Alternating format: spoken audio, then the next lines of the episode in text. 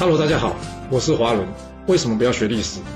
因为学历史会让你了解到顶层阶级的思考方式，成为他们的竞争者，所以他不希望你去学。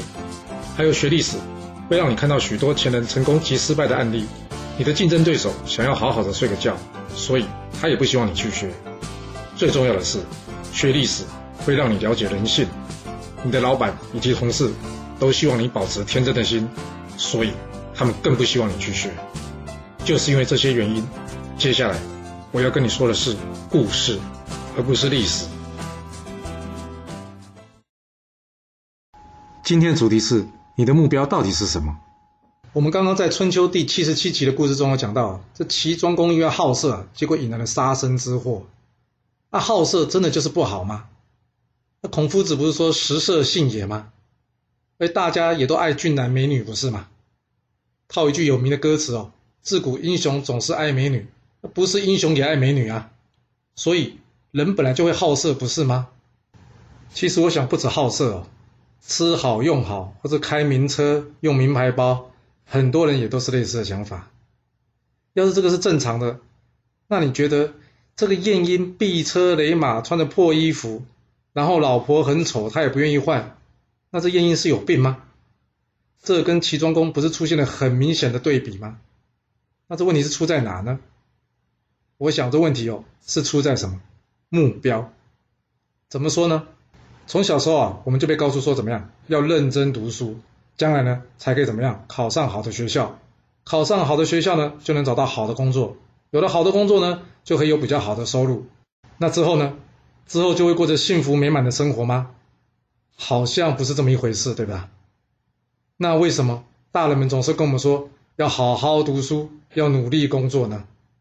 我们今天不是要跟你讨论大人们说这话对不对，或者是说好色这行为对不对？因为其实啊，只要不违反法律，每个人都有自由去追求他喜欢的生活，或是他觉得快乐的事情。只是想跟大家讨论的是，那追逐到这些事情之后，人就会快乐吗？我来讲讲我自己一个故事哈。我刚进公司的时候呢，那时候带我这个前辈啊，他跟我说。哇，要是能升上主管，一个月薪水变成是五万块的话，那就很好。我望着他说，一个月薪水五万很好，那五十万会不会更好呢？他跟我说，废话，当然更好了。那我说五百万呢？他说那当然更好了。我说要是一个月薪水有五千万呢？他跟我说，哎呀，那不可能达到的啦。我跟他说，你先别想说能不能达到，你只要告诉我，一个月薪水五千万，你会更快乐吗？他跟我说，不一定吧。一个月薪水要五千万，那可能有很多的工作压力吧。我这时候问他一句话，所以你的钱跟你的快乐并不是完全成正比，对不对？换句话说，总会有一个目标或是天花板。或许你可以花时间想一想，看你真正想要的东西是什么。钱当然很重要，但有的时候好像不只是钱而已哦。很可惜啊，这个带我的这个前辈呢，后来呢，好不容易升上了主管。哎，升上主管不是很好吗？也达到他心里想要的薪水五万块，不是吗？是啊，不过呢，为了升上这个主管呢，他压力太大，后来身体呢也搞坏了。接下来呢，花了很长时间呢在治疗他的身体。这就是我要跟大家说的：你真正快乐的目标是什么？其实你应该要先想好。很多人忙忙碌碌一辈子，到最后回到头来会说：“哎呀，我后悔没做这个。”我后悔没做那个。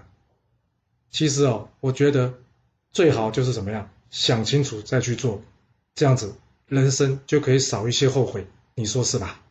若是你有其他想法，也欢迎留言分享给大家或告诉我哦。好啦，我们今天先说到这。如果你就是不听我的劝，想知道完整版的故事内容，你可以从说明栏找到我爱故事频道的连结。不过记住哦。你是来听故事的，而不是来学历史的。要是您喜欢这个频道，麻烦您动动您的手指，追踪、留言，或是给我五星评价的支持以及分享。谢谢您来收听，我们下次再见。